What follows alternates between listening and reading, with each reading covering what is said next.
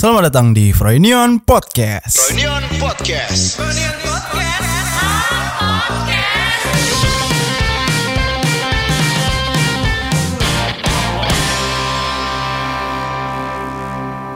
lima empat tiga dua satu halo Wing Halo Frank.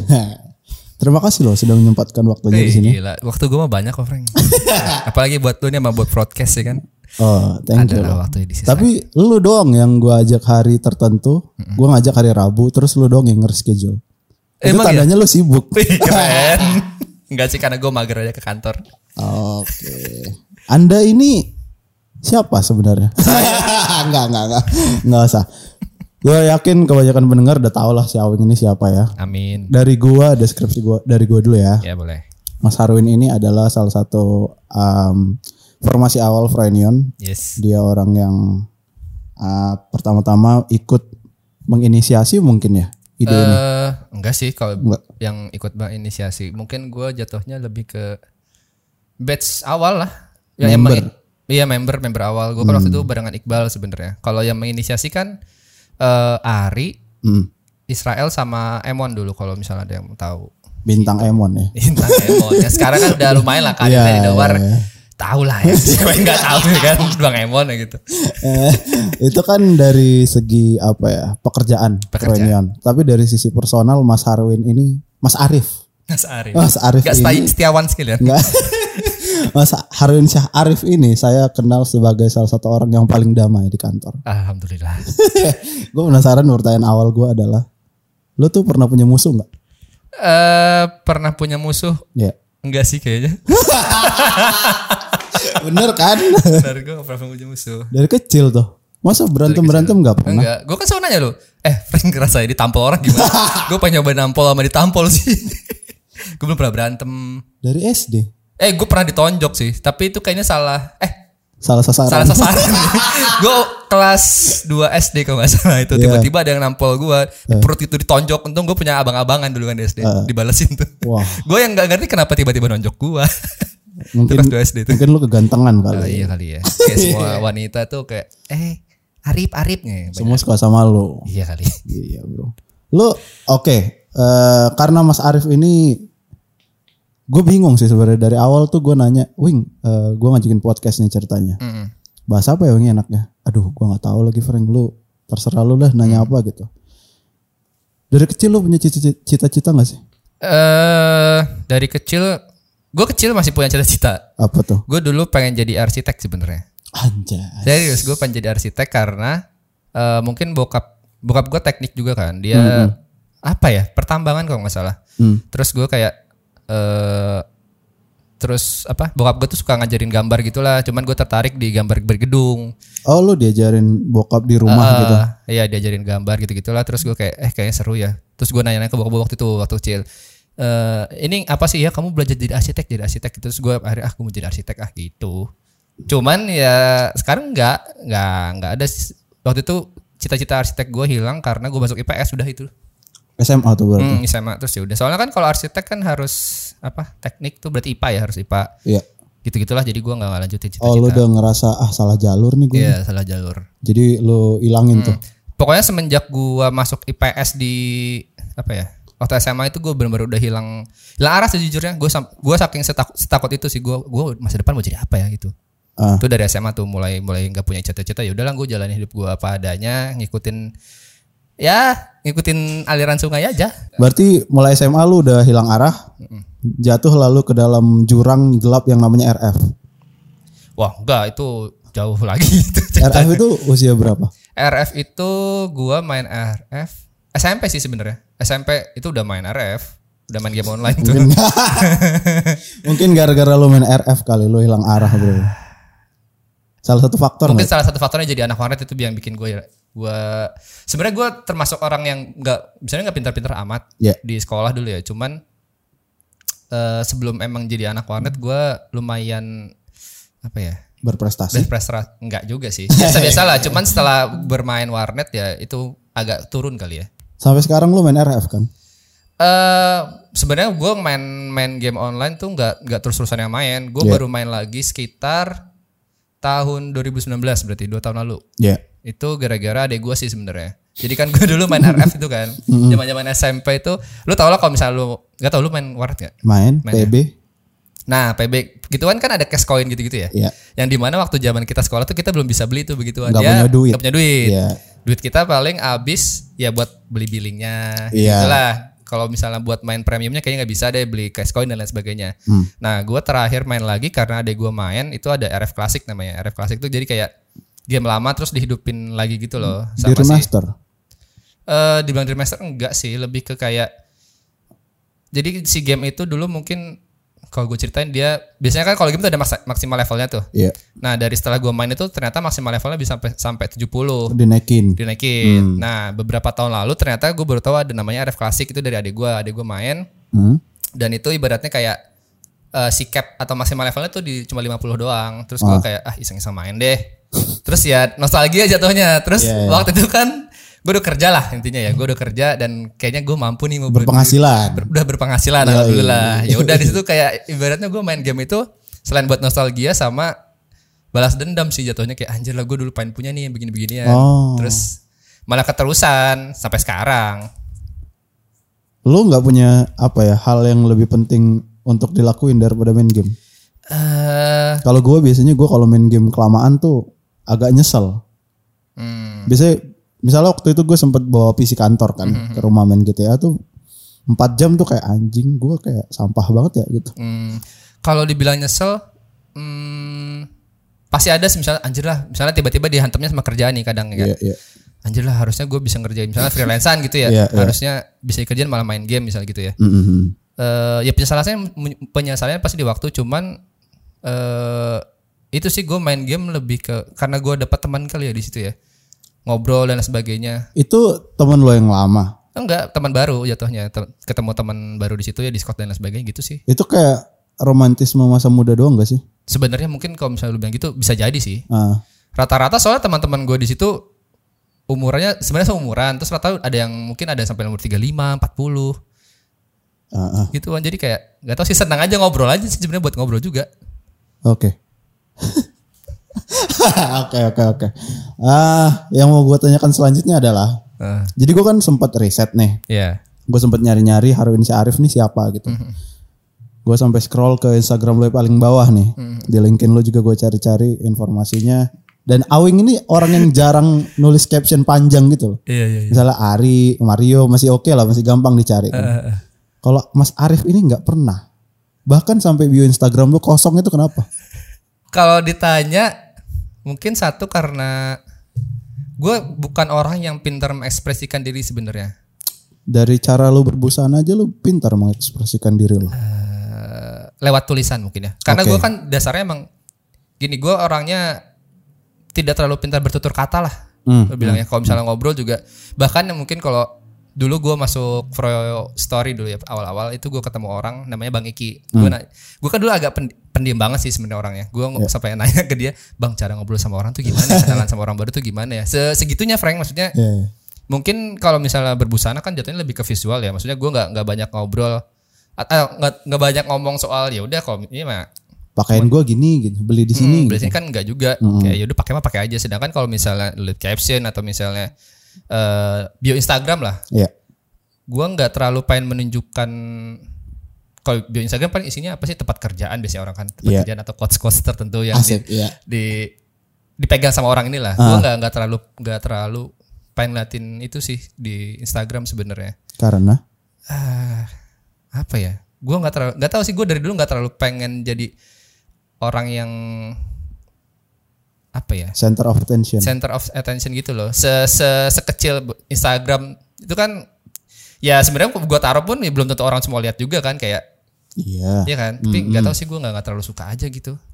Sama halnya kayak di Froynian mungkin gue mungkin jadi salah satu orang yang nggak terlalu pengen kelihatan di depan layar nggak terlalu pengen kelihatan ini kerjaan gue nggak terlalu pengen kelihatan gitu sih. Hmm. gak, gak pengen apa ya terkenal. Kalau pengen terkenal mungkin gue mungkin senang aja ya kayak misalnya orang kenal gue gitu senang. Cuman eh mungkin itu bukan jadi prioritas dan gak terlalu mentingin itu sih Mm-mm.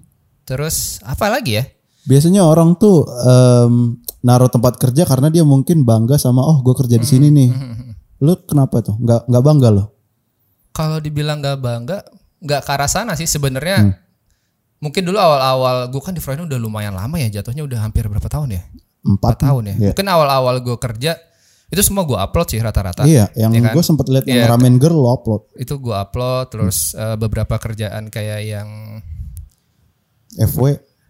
FV juga gue upload Hmm. terus yang sama Kiri Astina tuh yang waktu itu sempat gue ngedirect apa musik video iseng-isengan tuh yang buat rewind eh bukan rewind ya itulah itu kan itu juga gue upload Iya. Hmm. sebenarnya kalau dibilang bangga gue bangga sih kerja di Froynion ya kayak semua sekarang mungkin orang yang ketemu gue masih oh Harwin Harwin Froynion ya Iya, itu masih tahu gitu Mhm. Eh, dan ya itu sebenarnya nggak ada gue nggak nggak yang benar-benar orang yang apa ya mikir itu sampai Sejauh itu ya. sejauh itu sih kayak oh ternyata Instagram memang harus ada tempat kerja nggak kayak gitu kayak Hmm. ya udah eh mungkin dulu awal-awal kuliah mungkin ya awal kuliah tuh gue bener-bener nge-branding diri gue di Instagram kayak gue ini desainer gue ini anak di cafe ya. gue anaknya suka foto suka gambar dan sebagainya cuman lama-lama setelah gue kerja terus sampai apa ya perjalanan itu sampai sekarang akhirnya nikah gue akhirnya memposisikan Instagram gue sebagai emang cuman apa ya kayak diary visual doang gitu. Hmm, bener-bener personal blog yang terserah mau gue mau gue isiin apa tiba-tiba kemarin juga. Kalau misalnya lu tanya gue nggak pernah ngisi apa caption panjang kalau misalnya emang ada sesuatu yang mau gue ceritain dari fotonya pasti gue ceritain tuh kayak yang terakhir kita apa main Eh, ke Dieng. ke Dieng. Itu kan juga menurut gue tuh panjang banget sih. Iya, iya. gue juga bodo amat ada orang mau baca atau enggak tapi gue tulis juga. Jadi bukannya sebenarnya gue nggak mau apa ya nulis caption panjang atau sosok apa ya ngasih Predikat. di- predikat atau bikin caps apa inspirational quotes atau misalnya gitu gitulah Lu pernah kok bikin inspirational quotes? yang mana ya Sedikit insecure, perbanyak bersyukur. itu kan gue ngambil dari Aswin itu kayak ah, Iya. seru juga nih Aswin gue taruh di gue kan gak punya di bio ya Iya. mantep nih perbanyak apa kurang insecure perbanyak Perbanyak bersyukur bersyukur. mungkin ke sana sih kayak eh apa ya kadang kalau misalnya ngedain podcast juga. Mm-mm. misalnya lu kan nanya pertanyaan itu ke gue ya.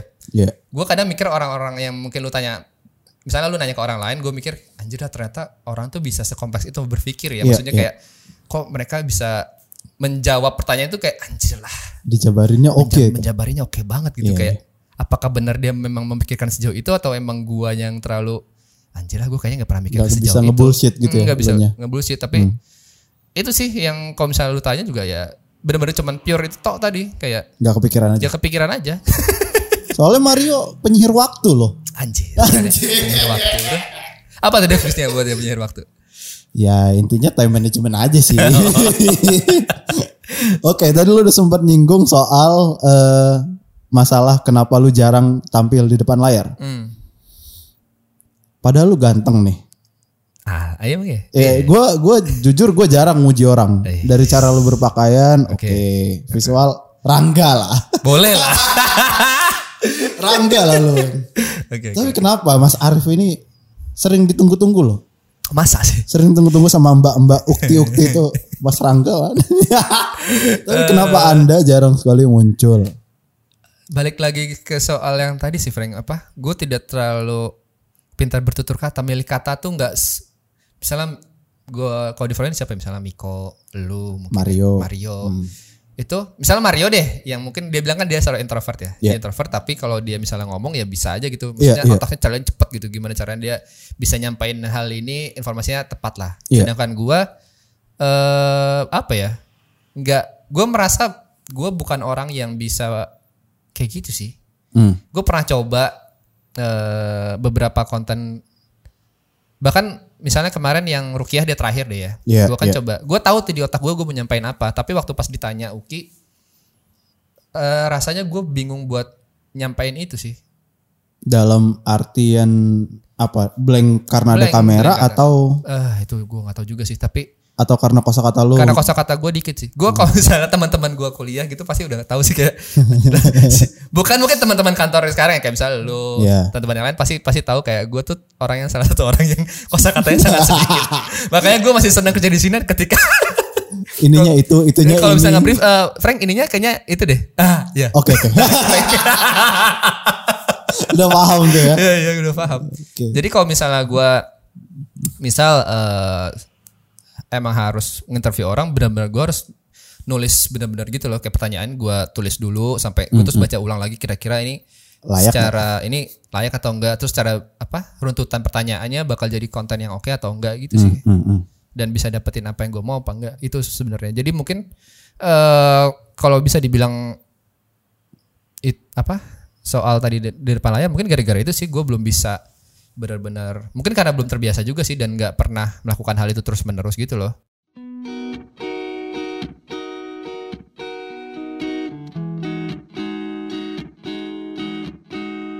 Sekarang saatnya intermezzo atau trivia atau apalah. iya iya iya Apa hal yang paling lo suk yang paling lo nggak suka dulu deh dari pekerjaan lo? hal yang paling nggak paling gue suka apa ya eh gaji gede kan Iyalah. gede banget lah di sini gaji gede Iyalah. banget ya kan Hampir ke 9 digit loh. Sembilan digit tuh ya.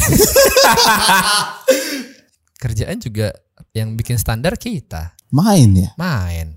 Yang bikin kita standarnya kita, Mm-mm. yang publish kita, Mm-mm. Penonton udah ada. penontonnya udah ada. Itu masa nggak suka gara-gara gitu? Jalan-jalan, nih kan dibayarin kantor, Mm-mm. alat disediain, THR cepet turunnya. THR cepet. Pandemi nggak dipotong apa-apa. gue nggak suka dari apa ya? Oh, ya mungkin yang gak suka adalah ketika gue harus dipaksa untuk di depan layar itu yang gak suka. Anjing lu. Di depan layar. Iya itu salah satu mungkin part pekerjaan yang paling gak gue mau sih sebenarnya. Astaga wing. Padahal kan kita dituntut untuk di depan layar ya. Iya, semuanya. Itu, iya. eh, apa ya? Lo kira gue suka pas disuruh di depan iya layar? semua orang pasti nggak suka. Tapi pas itu jangan benar-benar. jadi di Bali itu. Iya iya. Gue takut salah ngomong. Nah, itu kan lu jelas ya takut salah ngomong dan sebagainya. Kalau gue bener-bener gak mau aja. Allah Akbar. Eh, gimana ya? Gue sadar sih itu adalah salah satu apa ya? Kewa- bukan kewajiban tapi keharusan lah. Beda, Mm-mm. beda kan kewajiban sama keharusan beda, Beda, ya? beda ya. Keharusan di mana kalau misalnya gue tau lah gue bagian dari Fronion. Kalau misalnya tiba-tiba event offline ya mau gak mau gue harus bisa mingle sama orang. Yes. Itu juga salah satu yang paling gak gue suka sih. Karena dulu Hmm. ada waktu di mana gue tahu sih sebenarnya tujuannya baik supaya gue bisa belajar untuk mingle sama orang Setuju. ya kan tapi itu agak agak apa ya sangat sangat amat berat buat gue sih sejujur ya Astaga. mungkin buat orang itu simple ya iya dan banyak orang yang ah, ayo spotlight aku butuh iya spotlight. semua ya mungkin beberapa orang ada yang pengen aku pengen fame-nya Iya, pengen iya. ininya cuman gue di situ bagian bagian part yang enggak enggak eh gue suka sih sejujurnya walaupun ya misalnya tiba-tiba ada yang nge-DM gue bang makasih ya dan itu gue gue seneng sih itu Nah. suka itu seneng Iya. kayak makasih ya bang gue habis nonton video lu gue jadi tahu ini ini ini terus nanya-nanya gitu gue senang sebenarnya gue senang ngejawab Hmm, tapi kalau misalnya kayak tiba-tiba udah se siapa ya? Ya terkenal gitu gue nggak terlalu suka sih. Karena itu apa ya hal yang paling berat gue lakuin itu sih. Karena misalnya eh gue mau bikin konten nih hostnya nggak ada gitu kan. Mau nggak mau lu karena semuanya udah punya ya Acara-acara. udah, udah acara-acara sendiri mau nggak mau gue wah tuh agak berat banget tuh. Terus sama yang paling berat adalah ketika gue harus nyuruh orang itu juga nggak gue nggak suka sih. Oh ya? iya itu gue paling nggak suka bukan nyuruh dalam artian lebih ke minta tolong sih. Kadang itu gue agak-agak segan sih. Misalnya tiba-tiba eh Mick gue butuh lo jadi host buat ini nih gitu. Hmm. gue agak segan karena gue rasa oh dia juga udah punya tanggung jawab yang lain dia udah Hmm, punya eh, ini tuh ini itulah sebenarnya pekerjaan yang lain mungkin harus dia kerjain. Tapi sebenarnya gue juga sadar kalau misalnya gue minta tolong pun Miko juga sebenarnya mau mau aja gitu. Tapi Iya. gue agak segan di situ. Itu yang mungkin agak agak itu nggak gue suka sih karena apa ya Dan lu punya kewajiban buat man- manage tim ini iya itu sebenarnya. dengan eh, punya kewajiban itu juga Iya, itu yang agak berat buat gue karena belum ini kali ya belum lama kali. belum lama mungkin Hmm. ya itu yang agak-agak mungkin sekarang lagi gak gue suka di pekerjaan gue itu sih Oke. transisi ini sih sebenarnya yang agak berat buat gue sebenarnya nyaman lo ya. Hmm, agak gak nyaman walaupun ya pastilah transisi itu gak nyaman dan harus kita apa ya apa bahasanya laluin lakuin Hmm, itu jalani harus ya. itu karena pasti kan itu bakal ngerubah gue juga sebenarnya tapi ya lagi berat aja sih gue ngejalanin ini gitu Sebelum gua nanya apa yang lo suka, cuman Hmm. gue pengen nanya ke lo juga. Tapi lu tahu kan misalnya kita itu em, nature-nya manusia tuh nyaman sama apa ya? sa- nyaman sama repetitif kegiatan yang repetitif. Mhm. Tapi biasanya kalau kita nge-push di luar ny- zona nyamannya kita itu, Mhm. kita dapat bonus gitu, entah berupa mindset, skill set, macam-macam lah gitu. Iya, iya, iya. Pernah nggak lu ngalamin perasaan itu? Gue rasa pernah lah di hobi kan, Pernah, pernah, pernah. Kayak misalnya di hobi lah gitu. uh, Dari foto kita jelek lama-lama bagus kan. iya, iya, iya. Kan itu ya prosesnya kan nggak gampang. Cuman lu tahu dapat hadiah Hmm. di akhir prosesnya. Hmm. Ada kan pemahaman seperti itu kan. Ada, ada kayak gitu, ada. Cuman kenapa nggak jadi apa ya pelumas gitu buat Jadi lu? trigger lah ya berarti Iya, ya. iya. Ah, gak tahu ya. Entah mungkin mindset gue yang udah lu ingat kan waktu misalnya gue ngobrol waktu podcast pertama sama Asun juga tuh yang gue selalu bilang gue selalu gue selalu dua. nyaman untuk menjadi nomor dua gitu. Iya. Ketika gue dihadapkan sebenarnya nggak jadi nomor satu lah, maksudnya nggak jadi orang utamanya. gitu. Jadi Robin. Iya, jadi Robin lah kan waktu Hmm. itu. Pas katakanlah gue harus sekarang harus jadi Batman-nya gitu. Hmm. Itu mungkin agak apa ya berat banget sih buat gue buat ngelakuin itu karena Mm-mm. eh itu teorinya nggak ada, Gak ada. nggak ada teorinya. Emang harus dilakuin gitu. Emang harus itu nggak nggak nggak bisa nggak bisa diajarin sama tiba-tiba ada kelas leadership atau Iya, misalnya iya. ada kelas ada buku tentang leadership gue baca itu terus gue langsung jagung eh, handle atau manage orang nggak bisa itu Hmm. memang harus apa ya cara gue sendiri cara gue ngadepin orangnya gimana itu yang mungkin sekarang lagi lagi gue lagi struggle di situ aja sih sebenarnya kalau gitu Emang lagi apa ya proses trial and error Iya sih. trial error. Kalau misalnya gue sadar, oke misalnya gue udah bisa eh, ngehandle orang atau misalnya katakanlah gue udah akhirnya bisa jadi leader yang oke lah menurut gue pribadi dulu nih, belum bu- tentu buat orang lain. Ya. Gue sadar, oh anjir lah gue ternyata bisa loh eh, ini ini ini ini. Itu ada, gue tahu bonus-bonusnya. Hmm. Ke depannya gue akan seperti apa mungkin gue tahu, tapi eh, sekarang masih ya masih struggle di situ aja lah. Lagi-lagi coba ini, nah itu ini ya itu aja sih sebenarnya. Kalau misalnya di lu tadi bilang sadar atau enggak ya gue sadar akan akan ada Bonus ya. Heeh. Ba- bahkan mungkin mindset gue akan berubah gitu waktu Iya. setelah gue berhasil melakukan itu ya itu sih yang mungkin lagi ya lagi gue lakuin aja kali ya Hmm. gitu dan ya itu prosesnya yang nggak gue suka sih Emang nature-nya manusia. Iya, iya, iya, Kita iya. kalau udah ketemu pola aman ya pasti di situ Hmm, aja sebenarnya. Kayak konsep dari perubahan aja sih. Hmm, ya Semua betul. orang bilang, "Oh, perubahan itu ide yang seksi." Sebenarnya pas ngejalanin mana ada yang Mana mau. yang gitu. mau. Iya. kayak orang kan selalu lihat kayak ya hasil akhirnya gitu loh Iya lah, mana orang mana mau tahu orang misalnya proses lu nggak tidur, misalnya ngerjain deck, bikin Hmm. Iya, konten iya. gitu kan. Anyway, eh, tadi gua kan udah nanya apa yang nggak lo suka. Yang lo suka tadi banyak sih udah Hmm. banyak sebut tadi awal-awal udah gue sebut tuh soal THR, kayak gaji. ya itu mah itu bercanda ya. bercanda lah Oke, sorry sorry. Wah kalau misalnya disebutin yang gue suka banyak banget sih sebenarnya ya Iya. yang mulai dari kayak jatuhnya ini gue kalau gue ngejelasin kerjaan gue ke orang yang teman gue lama gue ya pasti gue bilang kayak gue sekarang kerjaan gue kayak main tapi gue digaji gitu Iya. dan itu menurut gue salah satu hal yang bikin mereka iri sih sejujurnya Oke. kayak mereka kan apa ya beberapa teman gue kerja kantoran gitu yang ya gue nggak tahu sih kalau kan- kantoran kerjaan kayak gimana ya mungkin secara apa eh, jenjang karir jelas gitu Iya iya iya. tapi mereka katanya bosan dan sebagainya kayak anjir lalu seru ya main main ke sini jalan-jalan kayak ya kan kelihatannya kayak jalan-jalan gitu ya. Digaji lagi. digaji lagi anjir seru banget ya kerjaan lo cuman kalau ya itu salah satu yang selalu gue banggain sih ke orang Oke. kayak dan gue ceritain kalau misalnya mendeskripsikan kerjaan gue karena kalau misalnya gue bilang oh gue sekarang eh, kerja di advertising agency atau misalnya gue kerja di media nih orang bakal kayak bakal nanya lagi dan gue malas ngejelasinnya karena sebenarnya ya Freudian tuh ya gampangnya youtuber sih bisa. Iya. sebenarnya youtuber gitu. Gue jelasin kayak gue youtuber gitu. Tapi kayak lebih keren aja gue bilang ya gue sekarang main tapi digaji. Itu salah satu yang paling bikin gue seneng sih. Kan kadang-kadang ngerjain iklan juga. iya kalau ngerjain iklan. Mungkin mereka iri sama lu ketika ngelihat oh si Awing pakai fans lo ke kantor. Pakai Iya. kaos loh dia. eh, iya mungkin sih Keleluasaan itu mereka nggak punya. Ah, itu rata-rata mungkin teman-teman lama SMP SMA kali ya. Hmm. Kalau teman-teman kuliah ya mungkin ya sama-sama aja karena ya bidangnya sama kali ya. Sekarang kerjanya juga kayak gitu. Tapi kalau misalnya gua ya sempet lah gue cerita-cerita sama salah satu teman deket gua lah di sana kayak eh ya gitu sih menurut gue kerjaan gua ini sangat-sangat menyenangkan sih. Kalau misalnya orang lain ada punya kesempatan kerja kayak gue, pasti mereka bakal bersyukur sih. Sekarang ya gue bersyukur banget sih gue kayak kalau misalnya ditanya apa yang gue suka banyak banget di sini kayak hampir semua gue suka sih sebenarnya. Hmm. Gitu. Baik. Tadi kita udah sempat nyinggung soal eh, menjadi Robin. Ya. Tahun lalu tuh bilang lo yang bilang kalau lo tuh ngerasanya jadi Robin. Ari tuh Batman-nya lah. Hmm. Gua rasa lu udah tau lah arah pertanyaan ini ke mana ya. Mhm. Setelah Gimana rasanya setelah lu sekarang yang udah jadi Batman ini? eh kalau sekarang rasanya rasanya nggak nyaman sih pasti ya. Gua mulai tidur tidak nyenyak sih sebenarnya.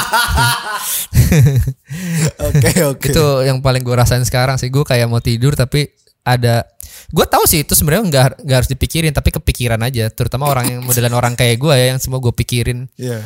Dalam artian gue kan orangnya apa namanya bukan netting sih cuman lebih ke apa sih bahasa lainnya netting tuh Overthinking? bukan apa ya overthinking ya Iya. Ya, overthinking kayak anjir kalau misalnya gue ini ini ini ini itu udah ke kegambar semua tuh di Oh, otak Iya iya. ya walaupun sebenarnya gue harus nggak harus mikir ke sana sih Hmm. Toh kalau dilakukan juga- kejadian juga. Ya betul belum tentu kejadian juga. Cuman itu yang sekarang apa? Lo alami. Lu, ya gue alami sih sebenarnya. Dari tadi Awing tuh apa apa gua dulu yang ngasih tahu. Makasih loh Frank. Iya. eh ya gitu sih. Gak nyaman bener-bener kayak mungkin ini salah satu proses apa ya? Salah satu fase terberat yang pernah gue laluin di hidup gue kali ya. Karena kan kalau misalnya lu tahu gue, gue tuh orang yang paling santai Iya. salah satu orang paling santai lah hidupnya kayak gue nggak terlalu mikirin masalah nggak terlalu mikirin ini itu ini itu Orang tapi paling damai juga. alhamdulillah kayak ya kayak aman-aman aja lah hidup gue gitu tapi pas di posisi sekarang adalah ya itu banyak pikiran Cemas gua lo ya? mikirin, ya. cemas bisa dibilang cemas sih Hmm. kayak takut ini takut itu karena kan ibaratnya sekarang gue punya biarpun katakanlah misalnya gue tidak memposis- memposisikan gue sebagai leader misalnya Iya.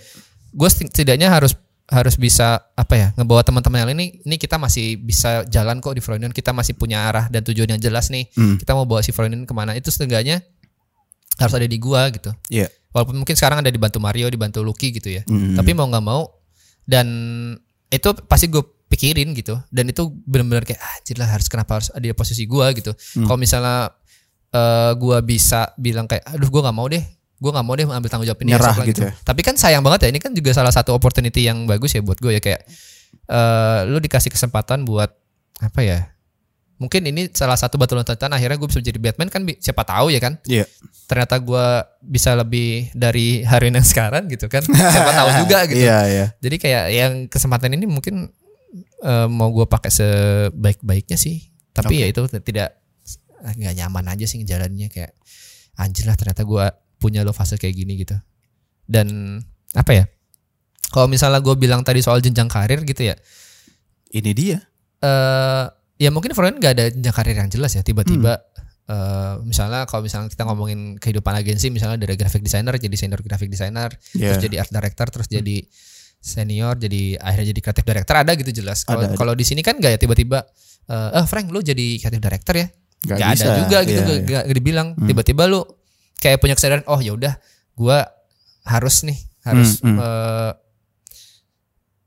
apa ngambil posisi itu gitu mau nggak Iya. mau kan kalau di Fronion gitu sih ya mungkin Eh, itu juga ini salah satu yang gak gue suka di Fronion kali ya karena kita nggak punya jenjang karir yang jelas itu ya kali ya Hmm. karena dari awal gua masuk juga sebenarnya mungkin kerjaan gua sama gitu Hmm. dengan tapi ya mungkin levelannya beda lah gitu itu mungkin yang, ya itu ya kali ya yang gak gue suka kali Fronion ya salah satu juga sih Nggak ini ya bang, nggak ada kepastian gitu nggak ada ya. kepastian Hmm. eh oke lah kalau misalnya kita ngomongin apa kebijakan perusahaan tiap tiap tahun lu kenaikan gajinya naik gitu Hmm. tapi lu gak tahu ya apa eh, apakah kayak title misalnya lu eh graphic designer lu Iya. senior ini ini itu Eh mungkin beberapa buat, buat beberapa orang mungkin penting gak penting sih tapi kadang entah karena gua nggak pede kali ya kayak oke gue sekarang adalah creative director misalnya kayak gitu Iya. dan apakah orang-orang sekeliling gue misalnya lu katakanlah apa sudah benar-benar menganggap gue sebagai creative director kan Hmm. itu juga nggak jelas gitu mungkin Iya. itu salah satu yang nggak nggak gue suka di kan apa Oh. Di Fronion sih. Oke oke. misalnya katakanlah tiba-tiba eh, lu videographer Frank Iya. terus tiba-tiba sekarang lu full broadcaster ya Frank Iya. itu kan juga apa ya perlu juga kan sebenarnya kayak skup kerjaan gua tuh sebenarnya Yang apa jelas nih, yang mana jelas ya? nih yang apa mungkin itu salah satu yang eh, kurang gua suka sih sebenarnya walaupun sebenarnya nggak penting-penting amat juga Enggak, enggak. Heeh. Cuman memang mungkin yang lo rasain adalah lu butuh secure aja, aman aja Iya, nih. iya, iya. Karena lu mungkin udah punya tanggungan, Hmm, hmm, udah berkeluarga gitu kan. Anyway, tadi gue mau nanya lebih dalam lagi soal Batman dan Robin inilah, Hmm, side- sidekick inilah. Sekarang setelah Batman lu pergi tuh, eh, lu ngerasanya apa? Apakah kayak kalau gue personally, gue ngerasa shit gue kehilangan mentor nih. Hmm. Kalau lu gimana? Yang pasti kalau gue lebih ke ini sih eh, kehilangan apa ya teman buat ngide kali ya Hmm. mentor sih pasti ya kayak jelas semua orang men, arit apa Batman kita itu mentor semua orang lah gitu Hmm. cuman untuk teman diskusi dan tahu mana yang eh ini oke nih ini kayaknya enggak deh itu sih yang kehilangan itu sih sebenarnya kayak semua orang bisa lah ngide ya kan Mm-mm, kayak mm-mm. yang tahu ide ini tepat atau enggak mungkin buat gua ya Batman kita yang kemarin menurut gua Oke. sih kalau kalau misalnya kita sekarang kita ngobrol nih semua barengan anak Freudian ngobrol kita Iya. ngomongin lempar-lemparan ide bisa aja gitu Iya tapi bisa bisa. siapa nih yang benar-benar eh oke nih itu Hmm. Pengambil Eh, keputusannya iya ya. pengambil keputusannya itu menurut gua belum belum ada sih ya mungkin harusnya harusnya gua harus udah Iya, bisa situ iya. ya Iya. Eh, itu sih mungkin ya yang gue benar-benar kehilangan, kehilangan di situ sih Oke, Wing. Mhm. Eh, karena memang pekerjaan kita ini lingkupnya di YouTube. Mm-mm. Menurut gua lu orang yang tepat lah untuk gua tanyakan. Menurut lu konten YouTube Indo sekarang gimana sih? konten YouTube Indo sekarang hmm, apa ya?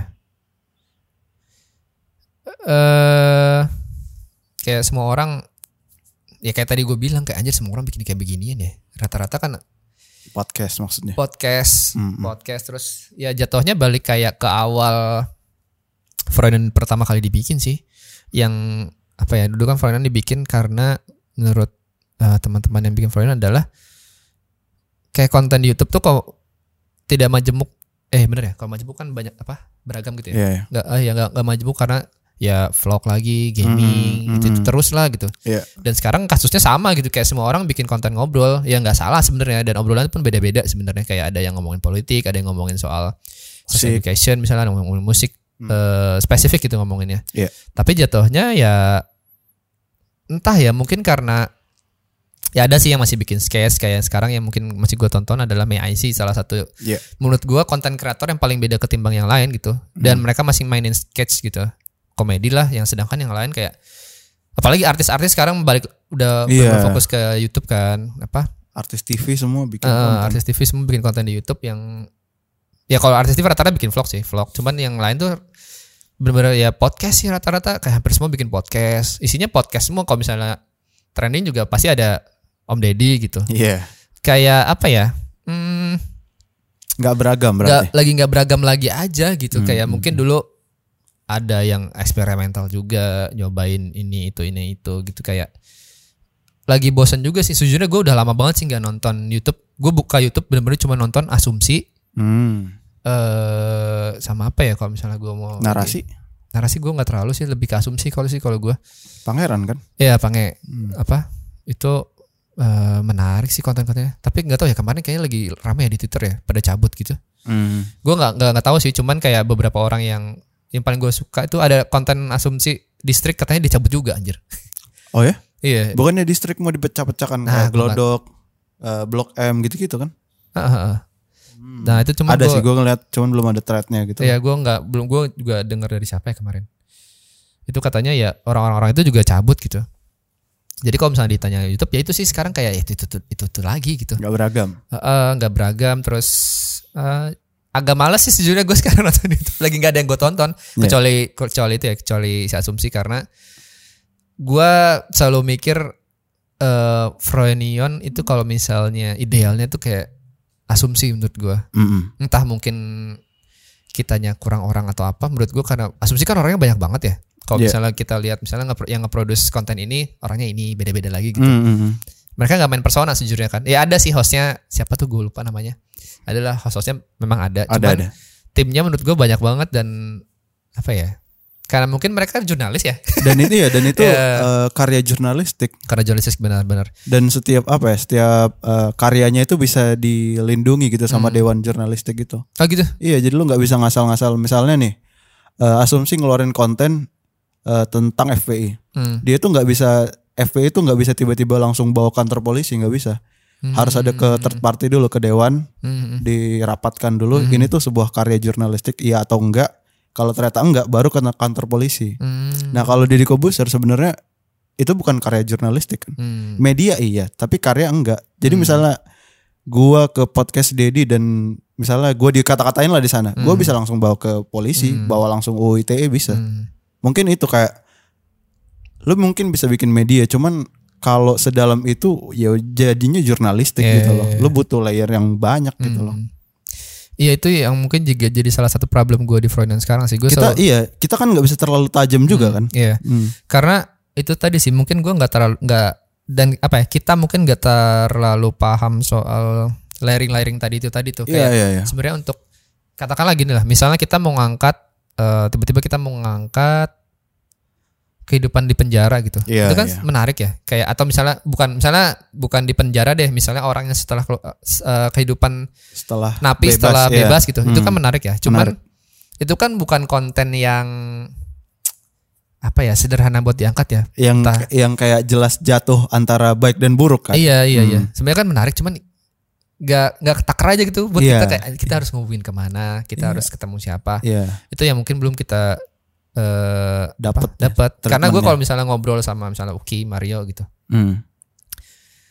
kita bisa nih bikin konten. Ngobrol mah udah ke mana-mana gitu. iya. Apa pun bisa sebenarnya kita kita kerjain gitu. Cuman gue nggak tahu nih apa gimana caranya nih kita buat dapetin orang-orang kayak gini. Kita butuh apa sebenarnya? Apakah kita butuh produser yang benar-benar ngerti soal apa link ke sana ke sana ke sininya Hmm, atau hmm. misalnya kita butuh apakah kita punya punya jurnalis lepas kah yang buat Iya. kita dapat oh ternyata di sini ada ini nih yuk kita Hmm, angkat yuk gitu Hmm. itu yang mungkin belum belum kita tahu sih kan Hmm. menurut gue Froyonion itu itu tadi ya karena gue selalu sekarang mau posisikan Froyonion adalah orang-orang awam yang punya privilege yang lebih, lah. lebih yang harusnya kita juga bisa ngangkat begituan gitu kayak obrolan-obrolan ringan ya sebenarnya kayak eh kalau napi udah keluar penjara tuh sebenarnya ngapain itu kan kayak iya. Kan diterima kerja susah. Heeh, kayak obrolan enteng Pengen gitu. tahu aja. pengen tahu aja gitu Hmm. tapi gak gak tahu gimana cara eksekusi eksekusinya panjang lah itu ya. Ah, ah, ah, ah. makanya sekarang kalau dilihat sebenarnya bukan gak seru sih tapi lebih konten-konten yang sekarang diproduksi adalah konten yang ketakar menurut gue kayak aman aman kita tahu nih kita produksinya gimana Hmm. kita tahu kira-kira feedback dari penonton setelah kita ngeluarin konten ini apa gitu Hmm. kita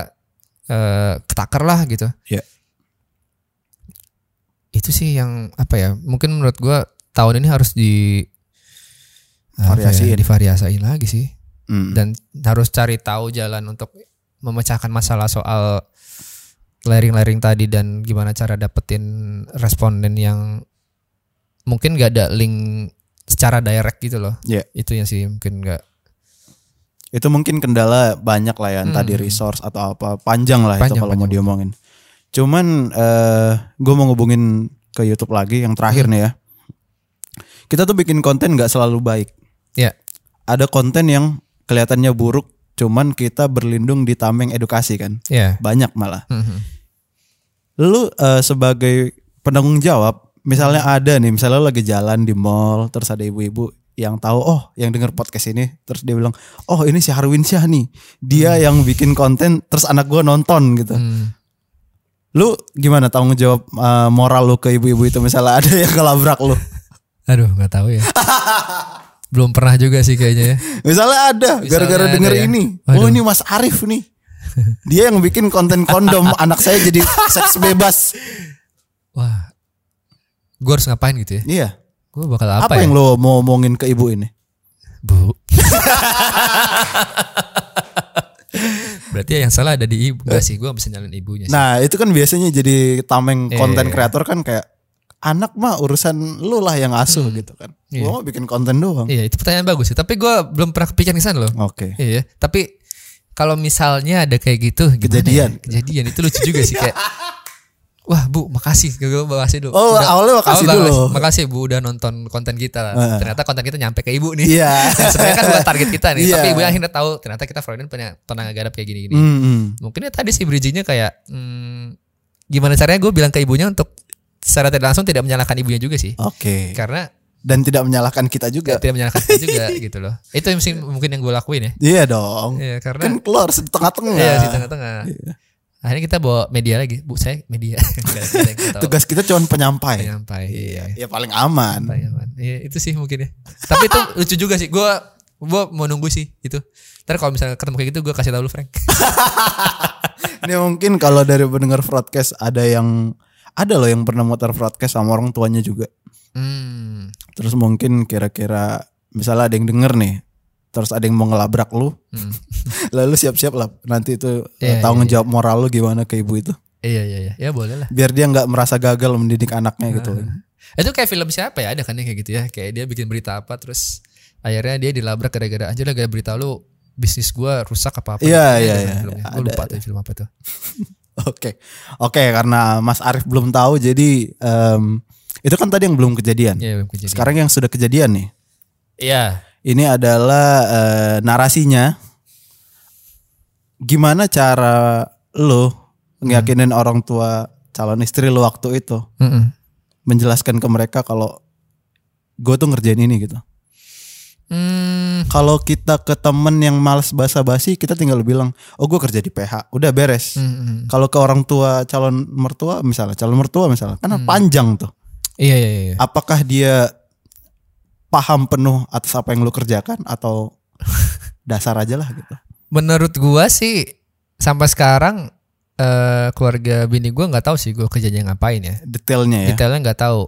Hmm. eh mereka taunya gue kerja jadi youtuber itu penjelasan yang paling ini sih gue bilang sih gue kerja di advertising agency gue jelasin tuh kayak Panjang panjang, tuh, tuh iya. ya ini Hmm. kerja kerjaan aku sebenarnya bidangnya ini ini ini ini jadi konsultan itu sebenarnya paling gampang sih kayak anjir konsultan gitu kan Asik asik. itu kayak menjanjikan tuh konsultan Iya. tuh kan mata orang tua zaman dulu kan wah gaya keren ya Selevel kan. arsitek tadi. Iya, Iya. arsitek kan al konsultan tuh ya, Yoi. konsultan bangunan. Nah, gue konsultan dalam bidang periklanan lah gitu-gitu.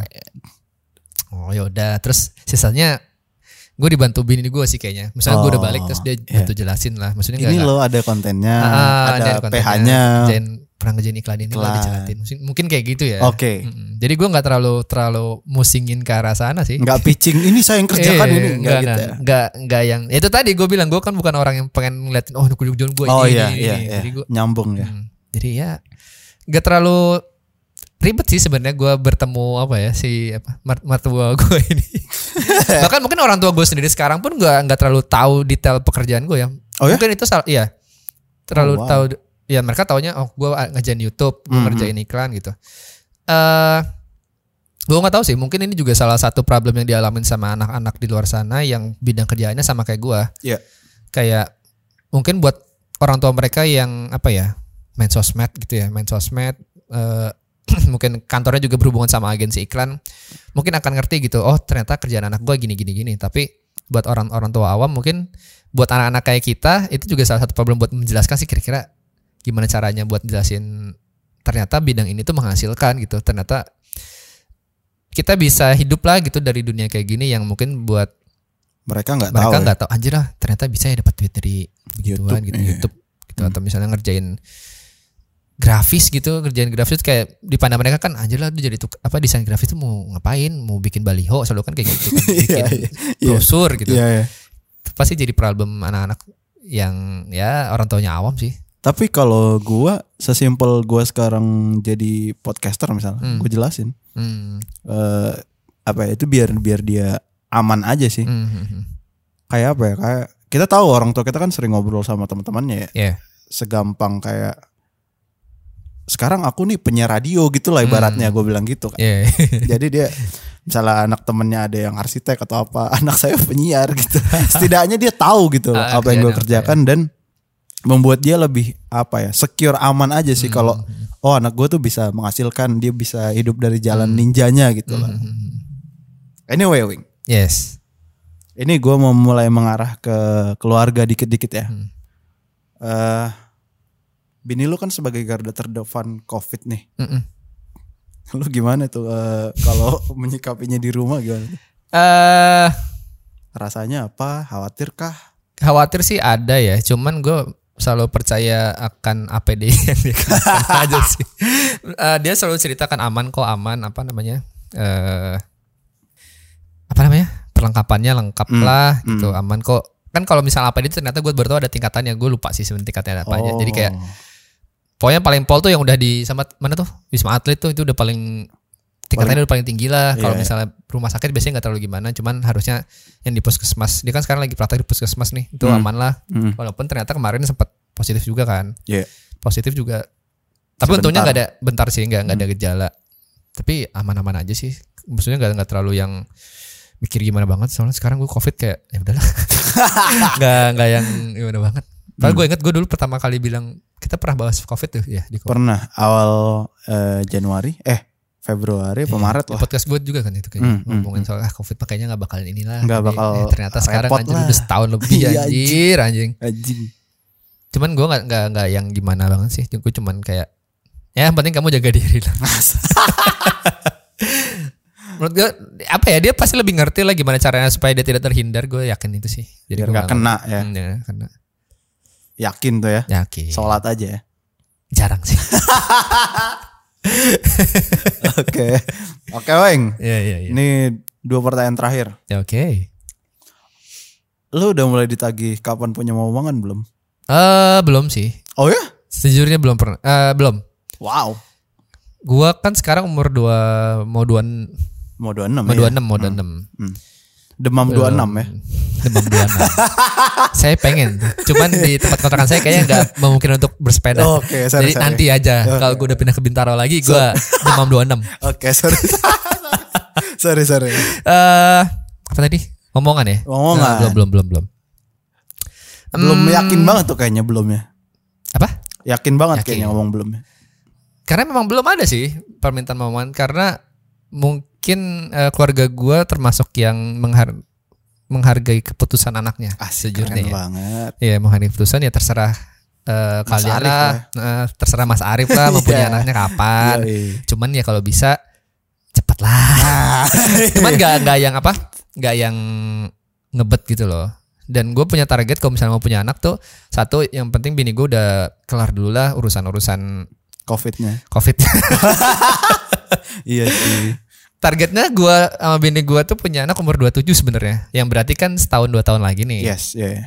itu yang gue pikir secara mentally dan secara finansial udah aman lah amin Hmm, ya kan Amin ya. karena gue nggak mau juga apa ya bikin anak gue ya bukan gue hidup susah sih maksudnya kayak kalau misalnya ya. lebih lebih apa lebih apa stabil kayaknya lebih enak lah gitu punya anak jadi gue nggak terlalu banyak pikiran gitu Iya, iya, iya. itu sih jadi ya gitulah pengen sih gue punya anak lucu gitu gue melihat Miko Mariam ya. Maria aduh lucu banget ya anak gue ntar juga Cina nih kayaknya. lucu juga nih anak gue ntar Iya, nih. iya, iya. amin Amin. karena gue merasa gue belum apa ya bahkan diri gue aja ini Frank sebenarnya ketakutan gue diajak podcast kadang itu sih karena gue menurut gue gue bukan orang yang bisa nge-share apa ya biasanya podcast selalu punya insight yang bisa diambil gitu loh Iya. menurut gue gue bukan orang yang bisa nge-share soal hal-hal kayak ah gue bisa mendapatkan hal-hal yang gue ambil nih dari obrolan ini gitu Hmm, hmm, hmm. karena menurut gue sekarang itu juga salah satu yang bikin gue belum mau punya anak karena secara mentally mungkin gue bukan orang yang bener-bener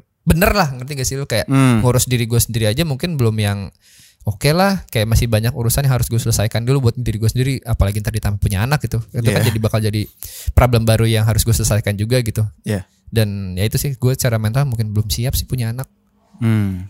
Secara finansial ya mungkin bisa lah gitu ya dipepet-pepetin mah gitu Ya Diupayakan lah. diupaya- itu bisa diupayakan lah kalau misalnya Kejadian. apa finansial dan kejadian lupa angkat tuh ya Iya, iya. iya.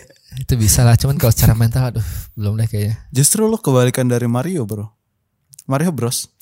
Mario Bros Mario. Karena kemarin tuh gua jadi eh, seminggu yang lalu kan gua tag sama Mario. ya Gua bilang sama lu, "Eh, lu tuh siap nikah. Kata Hmm. dia siap, Mhm. Mentally siap, Hmm. financially belum. Lu sebalikan, kebaliknya lo. Mungkin kalian bisa menikah aja LGBT. Saling melengkapi. Eh, menurut gua kalau finansial itu kita tahu lah ya Mario tuh tabungannya mungkin paling banyak dari kita semua Iya. itu harusnya lu jadi pertanyaan Frank kenapa lu secara finansial belum belum siap Belum gitu? bilang lu siap ya. Mm-mm. Apa yang mau lu penuhi? apa iya mau apa berpenuhi maksud Apa, apa? lu oke lah gitu ya misalnya gua apa kita tahu lah misalnya Mario tuh punya target yang lumayan besar lah menurut kita ya Iya, kayak dia harus mau punya rumah dulu punya ini itu punya itu Sebelum menikah tuh. Mm-mm, tapi ya itu bagus sih gitu.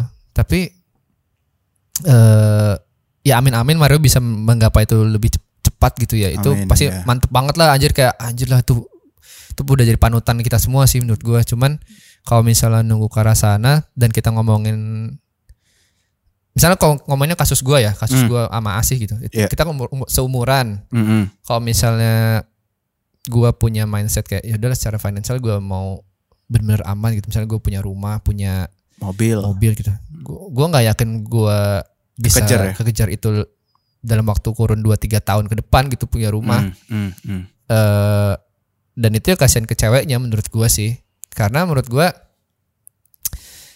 kalau cewek kan punya umur tertentu ya misalnya dia punya anak terakhir misalnya eh apa idealnya umur sekian gitu iya iya ya kan kayak umur 27 28 itu udah injury ya Iya Injury injury lah. time. Kalau misalnya di umur 30 kayak kasihan. Iya, iya. itu jadi salah satu pertimbangan akhirnya gue mungkin nikah Oh, muda kali ya. iya itu juga, juga salah ya. satu. Kalau misalnya misalnya tiba-tiba gue ternyata calon gue umurnya gue sekarang 25, dia dua misalnya dia tiga lah. 2 23 misalnya. Oke lah, spare dua tahun ya bisa spare 2 tahun. Kalau ini yang menjadi problem gue adalah mungkin karena seumuran Hmm, iya iya iya dan gue nggak mau bikin dia nunggu eh gue Oh. akhirnya Harun punya rumah, punya mobil dua. Iya. Nggak gitu. Maksudnya kalau ngomongin materi sih itu yang jadi pertimbangan gue kenapa akhirnya gue yaudah nikah dulu aja deh kalau misalnya rumah.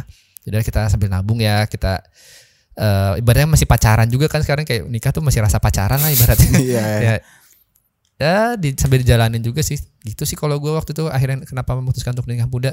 Satu pertimbangannya ya umur sih. Umur Hmm, sama biar ibaratnya kalau misalnya gue membiarkan dia nunggu satu dua tahun lagi kayak eh mungkin lu bisa mending daripada lu menghabiskan waktu menunggu buat gue mending lu sama cowok lain gitu yang Aduh, apa lebih stabil gitu apa secara iya, ekonominya. ekonomi dan lain-lain ya sok aja mangga gitu ibaratnya ibaratnya lah ya iya, iya. gitu gitu sih iya No regrets ya. no regret sih Asik, saya bahagia asik, kok asik, kehidupan asik, asik. pernikahannya Nikah muda nih ya. nikah muda tinggal punya anak muda nih ntar Jadi hot Hmm. daddy lo, Wing.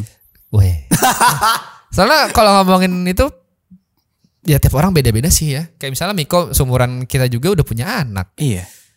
Kalau misalnya bilang rumah juga belum punya gitu. Maksudnya masih pasti masih nabung lah untuk atau itu tapi Nggak gampang itu, Iya nggak gampang itu ambil keputusan untuk akhirnya punya anak di usia muda itu menurut gua nggak gampang. Tapi mungkin pertimbangan dia misalnya kalau gue mikir kayak oh supaya ntar mungkin anaknya udah eh, dewasa jenjang umurnya nggak terlalu jauh kan bisa Iya. jadi itu kan seru juga ya Seru, seru. gue selalu ngiri sama orang-orang yang apa sama teman gue yang sama orang tuanya tuh jaraknya nggak terlalu jauh kayak Hmm. obrolannya masih nyambung diajak main masih bareng Masih gitu enak lah. kalau misalnya yang terlalu jauh kan kayak Udah nggak ngerti udah orang tua lo. ngerti Iya. obrolan dia aduh ngomongin apa ya kadang itu gue bikin ngiri sih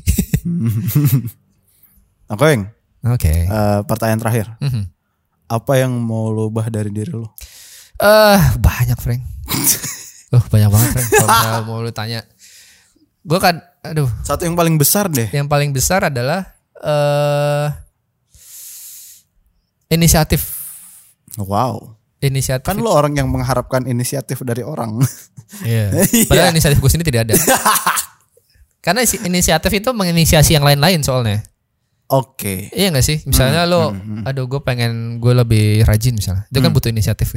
Iya. gue pengen belajar sesuatu hal yang baru nih itu inisiatif sedangkan menurut gue inisiatif gue sangat sangat kurang sih Hmm. iya gak sih semua ini apa inisiatif adalah awal dari semua Iya sih. Semua- Iya memang memang. Keputusan akhir ntar bakal diambil. itu sih mungkin pengen gue ubah. Karena itu berdampak banyak sih. Bahwa dari inisiatif yang mungkin eh, memperbaiki ah banyak hal lah. Itu tapi inisiatif dulu aja. Itu yang mau gue perbaikin sih. Oke. Ada lagi yang mau lo eh, ada yang mau lo tambahin ke pendengar kita? eh apa ya? Nggak ada kali. Bingung gua.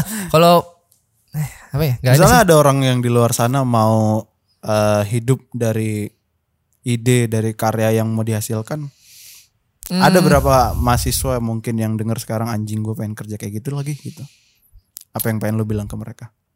Em, kalau misalnya kalian mau kerja kayak sekarang ya coba aja sih. Maksud gua kayak kalau gue selalu bilang selalu jaga ekspektasi sih itu yang kadang bikin mahasiswa atau mungkin gue juga dulu zaman kuliah juga down sih karena kayak anjir lah gue gue ntar mau kerja apa ya? Gue mau apa ya, mungkin terlalu banyak mikirin gue mau kerja apa dan terlalu mikirin kayak aduh gue pengen kerjanya ini. Hmm. itu yang sebenarnya ngebatasin kita akhirnya sih sebenarnya. Kayak misalnya gue pengen kerja nih kayak ah katakanlah misalnya gue pengen kerja di Fronion ini karena gini gini, gini tapi ternyata eh, standar gue misalnya nggak masuk Fronion ternyata gue eh, masuknya bisa atau di callnya ke perusahaan ini ya Iya. nggak apa-apa juga sebenarnya ya ya masuk dulu aja cobain berenang di situ gitu kayak eh, jangan sampai ekspektasi lo itu menjatuhkan diri lu sih Hmm. jangan terlalu bar- banyak berandai-andai tapi ya upayain aja dulu apa yang lu punya gitu maksimalin apa resource apa yang lu punya ya kerjain aja dulu gitu Mhm. sih Itu tuh eh, mungkin kalau dari gue boleh nambahin itu kayak mungkin gue dulu kerja di perusahaan yang ah tai gue nggak mau kerja di sini. Cuman ternyata gue di sana belajar banyak ya ya ya yang bisa membuat gue cukup untuk kerja di sini. Mhm. Mungkin nanti gue jadi penyiar mungkin iya di voice over mungkin gitu loh. bisa jadi dan jangan sampai ini sih karena apa ya pekerjaan lo yang akhirnya mungkin tidak sesuai dengan apa yang lo harapkan jangan jangan ya tadi jangan kayak eh ah anjir lah kenapa gue di sini Hmm, hmm. jangan jangan ambil kesannya tapi mungkin ya tadi kayak lu bilang ternyata lu ma- ma- malah bisa belajar yang lain-lain dan da- lu tidak expect bisa dapetin itu di tempat kerja yang itu kan sebenarnya Hmm, hmm, hmm. jadi ya kalau kata Asun tetap sih itu quotes yang mungkin sampai sekarang masih gue suka sih Apa itu? apa kurangi insecure perbanyak bersyukur itu aja bro Anjing, anjing. Oke. itu quotes yang mantap loh Baiklah teman-teman, itu tadi Harwin Syah Arif dengan segala keraguannya mudah-mudahan bisa menjadi pelajaran buat kalian untuk menjadi lebih berani lagi kali ya. Itu aja ya. Terima kasih sudah mendengarkan. Jangan lupa follow kita di Spotify, uh, Freudian Podcast, upload stories, eh, kasih tahu teman-teman kalian kalau ada podcast yang underrated ini. Terima kasih sudah mendengarkan. Sampai jumpa.